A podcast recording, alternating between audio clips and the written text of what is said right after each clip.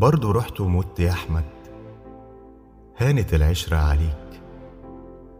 سبت أيامي اللي فاضلة تتنفض بعدك وكانت دافية بيك. اتقفل بابي عليا واتقفل على الدمعتين المقهورين من بعد موتك باب عينيا. زي ما يكون الدموع من الحرقة رافضين ينزلوا. بعد موتك بعد موتك وسعت الأوضة عليا. زي ما يكونوا الحيطان اتخصموا أو هيعزلوا فاكرة صوتك لما تنده يا أم طه؟ وأقعد أتصعب وأقول لك طه مين؟ ده إحنا خلاص طالعين معاش. تبتسم وتقول لي ربك بكرة يبعت والسنين خلصت لكن طه ما جاش. كنت أنت البيت وصاحبه والنهار الدافي والجوز والعيال. كنت شامة في هدمتك ريحة الحلال. آه مفيش عيل يدوق اليتم بعدك.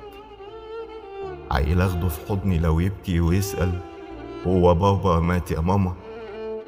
بس والمصحف يا أخويا أنت خليت الستاير والسرير حتى ملامح وشي من بعدك يتامى كل كلمة وأنت بتموت قلتها لي لسه جوايا بتتردد في بالي.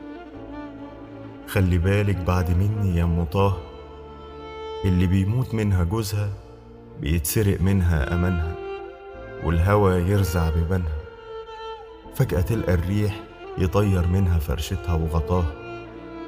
خلي بالك بعد مني يا ام طه اللي بيموت منها جوزها يدبل الليل بين عينيها والطريق العتمة بيتوه خطاه خلي بالك بعد مني يا ام طه اللي بيموت منها جوزها بتبقى سكرانة بتتطوح ما تعرف إيه أخد منها زمانها وإيه عطاه. والله عندك حق يا أحمد. من يوميها لسه دايخة. دايخة حتى بدون عيا. صاحية لكن شكلي نايمة. قاعدة معرف ولا قايمة. وأما تبقى الدنيا ملناش حاجة فيها الحياة دي بتبقى موت والموت حياة.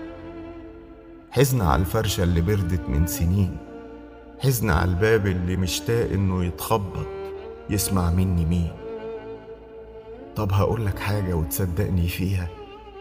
لما كان جسمك يطقطق جنب مني كان يطمني. وكانت خشولة صدرك ونس. كنت عايزاك حتى لو كحة في نص الليل وحتى لو نفس. كنت بحلم تبقى عندي بنت زي البدر. ولا شاب فارس. وانسى نفسي. تيجي ايدي في المخدة النايمة جنبي. والمخدة حلوة برضه. بس لا بتكبر ولا بتروح مدارس. كل أولاد الجيران جم خشوا حضني. بس حضني لسه ساقع لسه فاضي. عمره ما في يوم اكتفى. حضن ما فيهوش حتة مني.